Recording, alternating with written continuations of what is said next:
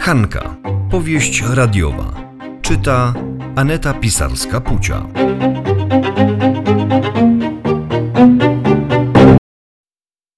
Powieść radiowa Hanka, odcinek 13. Asia. Po klasie rozchodził się zapach kanapki Tomka z pasztetem. To zdolny chłopak, należy mu się takie pyszne śniadanie. Najlepszy w klasie z matematyki, pomyślała Asia. Ja taka zdolna nie jestem. Szkoda na mnie marnować jedzenie, pomyślała Asia, karcąc siebie w duchu za gorsze oceny. Luiza ma bułkę z szynką i ogórkiem, ale cudownie pachnie. Na pewno też jest pyszna. Zamyśliła się Asia i wyszła z klasy do łazienki napić się trochę wody z kranu. Przetarła buzię zimną wodą. Już jest lepiej. Ona dzisiaj nie miała kanapek, zresztą jak każdego dnia. Trochę ją ssało z głodu, ale nauczyła się z tym jakoś funkcjonować. Wystarczyło tak mocno nie myśleć o głodzie. Zaraz będzie dzwonek i kolejna lekcja. Skupiając się na zadaniach, zapomni na chwilę o bólu brzucha. Jeszcze tylko parę lekcji i do domu. Asia tak ogólnie jest twarda, nie ma ludzi, jest wesoła, niczym nie wyróżnia się spośród innych dzieci. Takiej się przynajmniej wydaje. Przed innymi ukrywa swój niedostatek, jak największą tajemnicę. Stara się jak może, aby nikt tego nie zauważył. Aśka, czemu ty masz takie dziwne, niemodne ubrania? Zapytała ni nizowego Iska. Mam normalne ubrania, zaprotestowała Asia. No, no masz dziwne. Nikt tak się nie ubiera, nie daje za wygraną Iska. Bo tak lubię się ubierać, odpowiedziała Asia. W takie za małe i niemodne sukienki? Zakładam takie, bo są wygodne i przewiewne.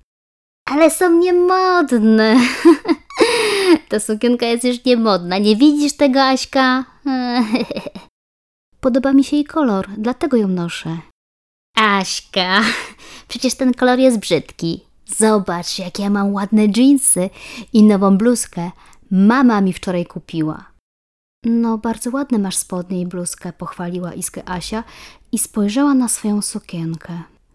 Nie widziała w niej dotąd nic niewłaściwego, ale tego dnia rozmowa z Izą otworzyła jej nieco oczy. Przyjrzała się swoim ubraniom w szafie. Rzeczywiście, nie były ani najnowsze, ani najładniejsze. Do tej pory w ogóle tego nie zauważała, ale inni widzieli od dawna. Może dlatego nikt nie chciał się z nią bawić.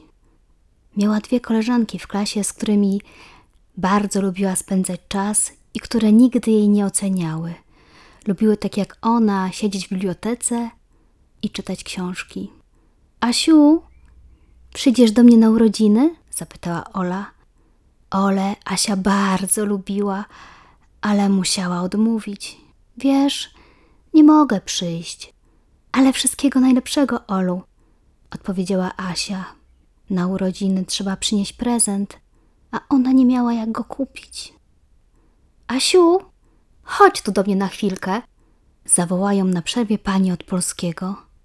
Zamknęła klasę, żeby nikt nie słyszał ich rozmowy. Asiu, chodź, chodź. Asiu, masz tu torbę z rzeczami po mojej córce, powiedziała pani Mariola, wychowawczyni Asi. Dziękuję, ale ja nie mogę, nie mogę przyjąć. Bierz, Asiu, bierz, bierz. Na moją córkę są już za małe, a dla ciebie, widzę, będą jak ulał. Jadłaś już śniadanie? Asia pokręciła przecząco głową.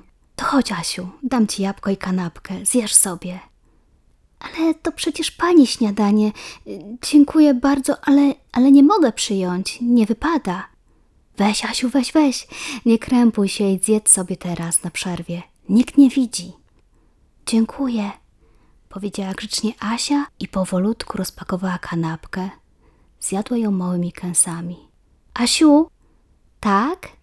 A po lekcjach będziesz na kółku literackim? Będziemy dalej przygotowywać apel z okazji Dnia Wiosny. Przygotowałam dla Was trochę własnych tekstów do recytacji. Tak, tak, będę na pewno, Ożywiła się na samą myśl o zajęciach dodatkowych Asia. Już napisałam długi wiersz specjalnie na tą okazję. To świetnie, Asiu. Masz go przy sobie? Tak, mam w brudnopisie. Asia wyjęła zeszyt i podała pani. Oj, świetny wiersz, Asiu, naprawdę. Sama go napisałaś? Tak, powiedziała Asia i spojrzała zawstydzona w podłogę. Słuchaj, Asiu, nauczysz się go na pamięć i wyrecytujesz go na apelu, dobrze? Dobrze, proszę pani, odpowiedziała grzecznie Asia i wróciła do ławki. Ich rozmowę przerwał dzwonek. Tydzień później.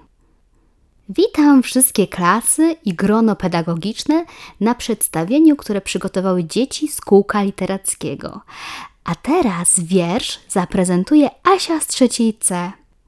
Chudziutka Asia z pobladłą twarzą wychodzi na środek i pięknie recytuje. A teraz należą się specjalne brawa dla Asi, zachęca pani Marylka.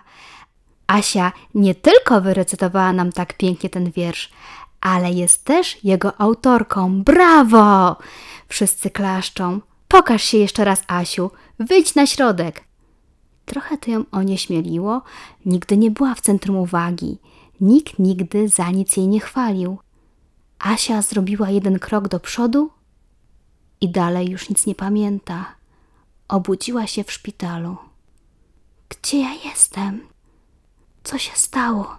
Zapytała samą siebie Asia, podnosząc główkę na łóżku. Ale nikogo nie było obok niej. Samotna w obcym miejscu. Tylko cisza i ja. Ja i cisza i niemy krzyk w mojej głowie.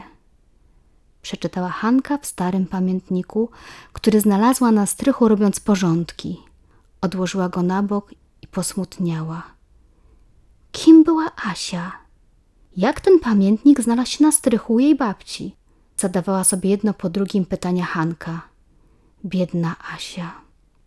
Każdy z nas zna taką Asię, młodą, zdolną dziewczynkę z warkoczykami, która może wszystko, ale o tym nie wie, bo jej nikt nie powie, że może zostać tym, kim tylko zechce, że pieniądze to nie wszystko, ważne, co masz w sercu. Pamiętaj, Asiu, zawsze podążaj za swoimi marzeniami. Nie pozwól sobie ich odebrać. Możesz wszystko, Asiu. Zobacz, masz skrzydła. Leć, leć, Asiu, przed siebie. Nie zatrzymuj się. Leć, leć, kochana, leć.